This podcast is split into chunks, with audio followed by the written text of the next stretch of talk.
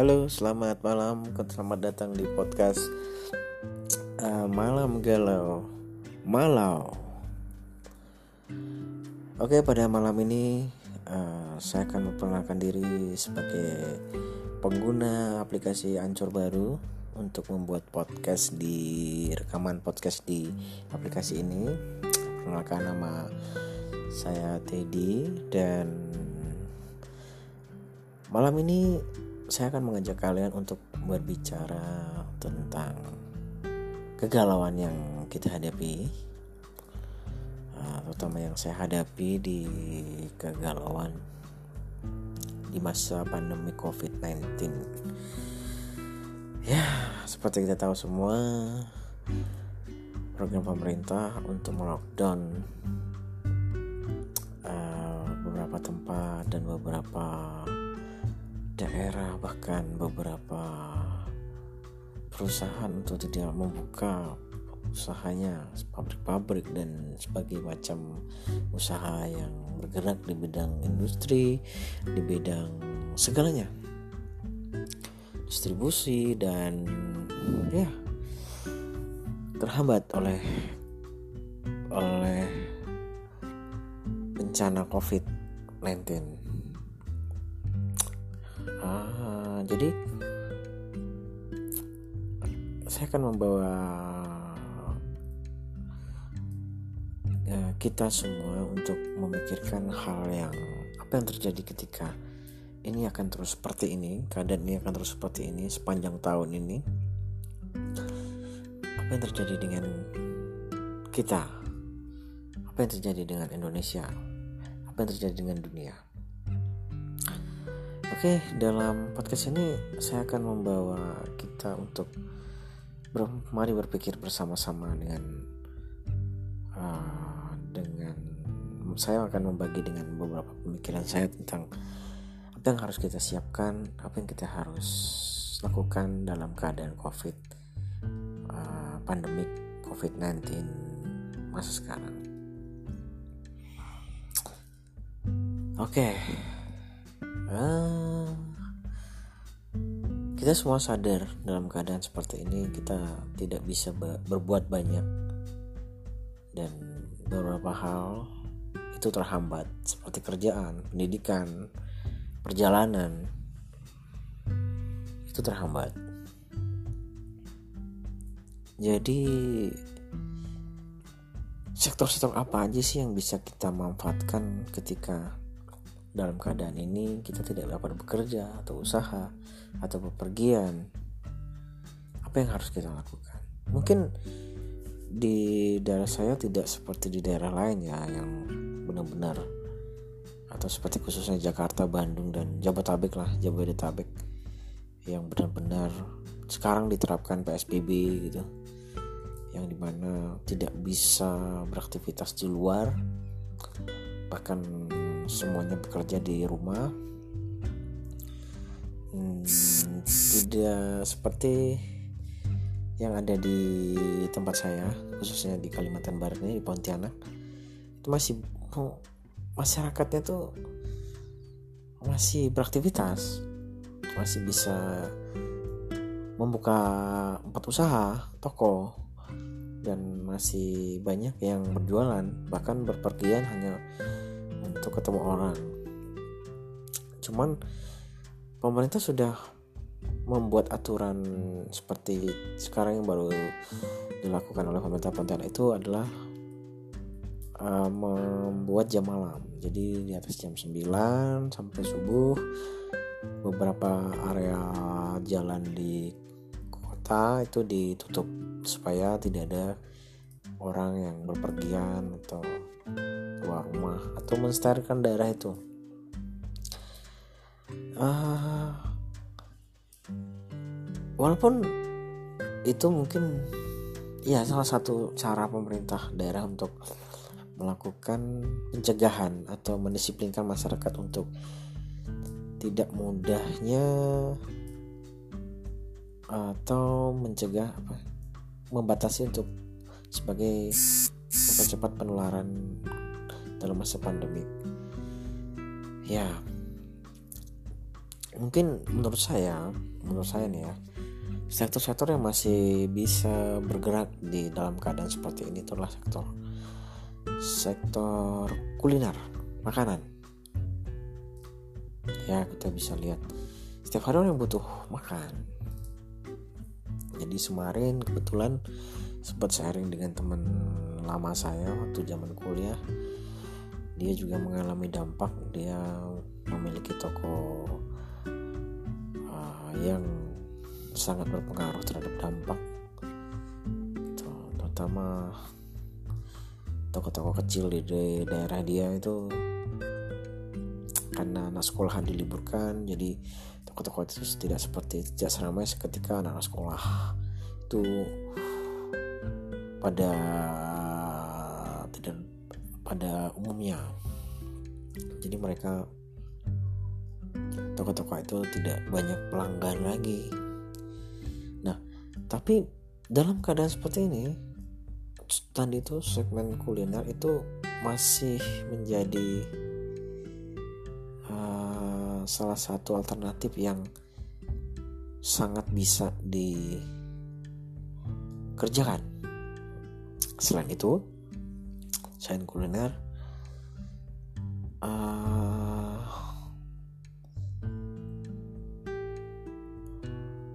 konter-konter HP yang menjual kuota internet pulsa dan lain-lain itu juga menjadi sektor yang cukup uh, bisa bergerak lah tuh saat ini menurut saya.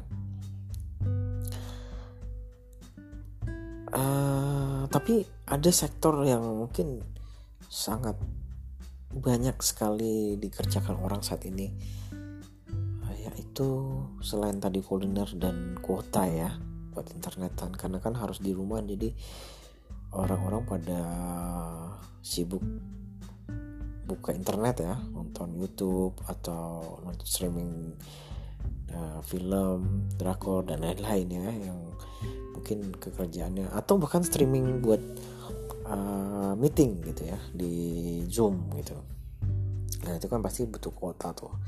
Peningkatannya juga sekarang lebih banyak orang di rumah ya kan. Ah, di rumah aja nggak ngapa-ngapain tapi lapar butuh makan ya kan. Nah sektor salah satu sektor yang saya lihat paling banyak sekarang itulah sektor penjual masker. Wow. penjual masker dan hand sanitizer jadi uh, potik itu biasa langka tuh masker hand sanitizer. Tapi di online masker hand sanitizer itu ada. Bahkan vitamin. Nah tadi kembali ke konsumsi ya. Kalau kuliner tuh salah satunya adalah konsumsi vitamin ya mungkin. Tapi itu walaupun masuk ke kebutuhan obat-obatan dan suplemen makanan itu juga menjadi sektor yang sangat bisa dikerjakan untuk masa-masa sekarang. Jadi walaupun dalam keadaan seperti ini pedagang-pedagang masker itu banyak di pinggir-pinggir jalan. Mereka berjualan masker walaupun kadang menggunakan masker yang menggunakan filter khusus. Ya kita tahu seperti standar rumah sakit gitu standar medis sangat sudah dapat jadi masker-masker yang terbuat dari bahan lain seperti bahan kain bahan-bahan apa itu uh, banyak dijual. Dan itu sangat menjadi uh, saat ini sangat menjadi salah satu yang cukup ramai pembeli. Karena mungkin ya namanya masker kan setelah kita keluar kita harusnya tidak pakai lagi. Nah, jadi kita bisa beli beberapa masker nanti kita bisa cuci pakai. Juga seperti yang beli bahan kain tuh bisa kita berulang pakai gitu itu salah satu. Nah kembali ke obrolan saya dengan teman saya kuliah itu. Karena tokonya juga berdampak terhadap pandemi corona muncullah ide dia untuk membuka sebuah usaha di bidang kuliner. Nah, jadi selain apa ya kuliner ini kan sangat dibutuhkan ya, dibutuhkan orang dan apa? Selalu di ya dibutuhkan orang. Hmm, apalagi kita tahu yang kita kita lihat yang sedang tren saat ini adalah minum-minuman kekinian. Boba. Boba minuman kopi kekinian yang pakai cup dengan berbagai merek di tempat daerah kita masing-masing itu pasti punya merek lokal yang juga menjual kopi kekinian yang jadi tren. Ya karena apa? Nah, tren kopi sekarang udah menjamur ke anak-anak muda jadi sebuah gaya hidup. Nah, boba juga juga sama seperti boba. Nah uh, jadi itu mungkin jadi salah satu ide yang akan yang teman saya sampaikan ke saya idenya itu untuk dia juga mungkin mem, ingin membuat sebuah kedai yang bisa dijual online pakai GoFood itu uh, pakai delivery order gitu. Nah seperti minuman kekinian saat ini dikemas dengan cup plastik seperti itu Nah, saya sangat tertarik sekali dengan idenya karena sama seperti kerjaan saya, saya juga terhambat dengan keadaan seperti ini. Banyak karena saya harus juga berusaha uh, apa berhadapan dengan beberapa bidang usaha ya seperti industri gitu, distribusi dan apa ya ya berhubungan dengan penjualan barang bertemu orang jadi itu sangat terganggu lah ya dalam keadaan seperti ini sangat menghambat sekali. Kita jadi kehilangan apa ya kehilangan arah untuk menentukan target kita gitu. Karena kita tidak bisa berbuat apa-apa tidak bisa kita paksakan untuk menentukan itu kecuali memang ada musizat itu kita harapkan. Nah saya agak lucu ketika dia bilang aku tuh dia bilang seperti ini sama bro aku tuh pengen bikin minuman kekinian nih bro. Bisa nggak kita bantu konsep? Gitu. terus itu saya masih serius begini ketika dia bilang minuman kekinian seperti apa? Waktu saya tanya tuh aku tuh pengen jualan cendol kekinian gitu yang pakai cup yang bisa take away. Justru saya agak-agak lucu sih dengan minuman. Tapi saya pikir itu ide yang cemerlang gitu ide yang bagus untuk keadaan seperti ini. Uh, jadi dia mau bikin kayak seperti cappuccino cincau. Nah, teman-teman pada tahu cappuccino cincau atau yang mungkin sudah pernah mencobanya bahkan yang belum pernah coba harus coba cappuccino cincau. Nah dia mau bikin konsep seperti itu. Di mana dulu cappuccino cincau itu pernah booming sekali. Di mana-mana orang jual cappuccino cincau. Udah kayak tren anak-anak minum cappuccino cincau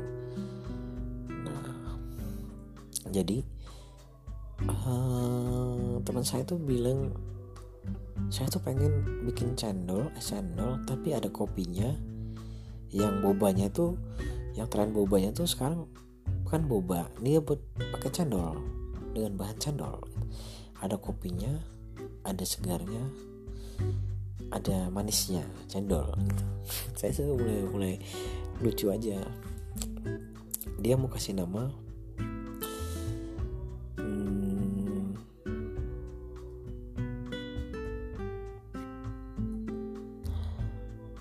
nama Borneo cendol. Bro, Borneo cendol. Wah maksudnya mau biar disingkat jadi brondol. Borneo cendol. Oh teman-teman tahu brondol itu kalau di tempat kami itu sangat familiar sekali ya karena daerah kami itu kan salah satu daerah yang luas akan perkebunan terutama perkebunan sawit. Nah brondol itu adalah biji sawit buah yang lepas dari tandannya itu yang jatuh satu-satu yang du, tidak apa tidak utuh dari tandannya itu namanya brondol. Nah itu saya teringat waktu dia bilang brondol saya teringat itu. Jadi sangat itu sesuatu yang lucu lah ya menurut saya. Nama yang unik gitu menurut saya brondol. Borneo cendol.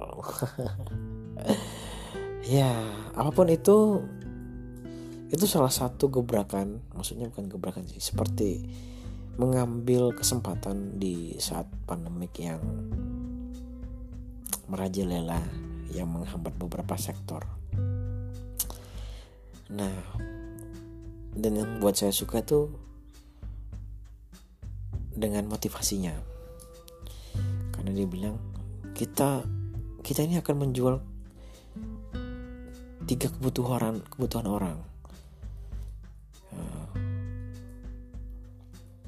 Kita memberi kebutuhan lapar, haus, sama ngantuk.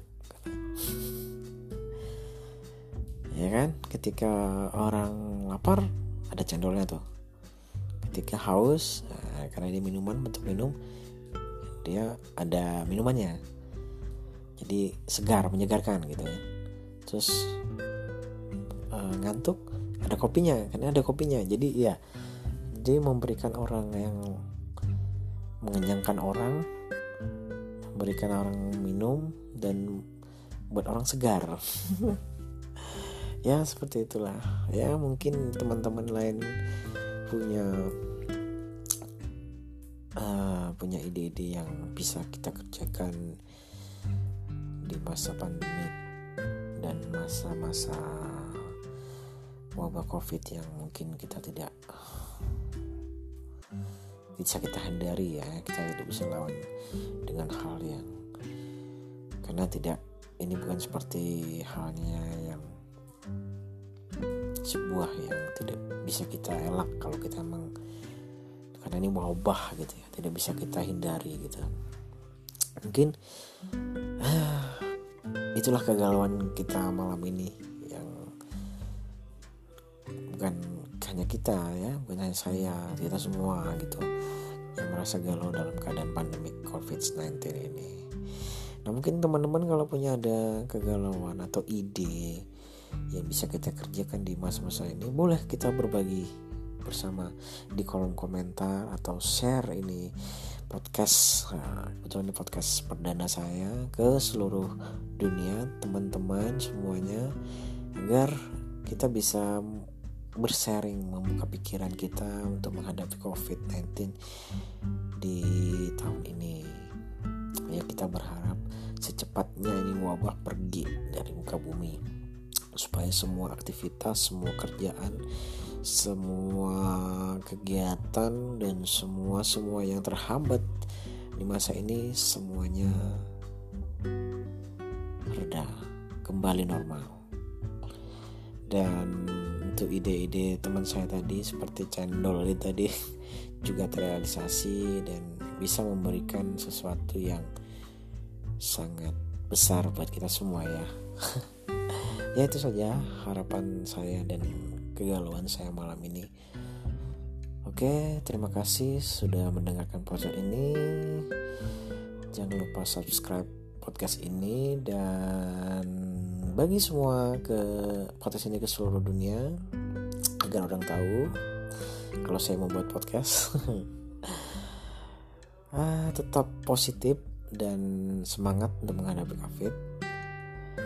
Sampai jumpa lagi di segmen podcast yang berikutnya. Saya Teddy saat malam. Bye bye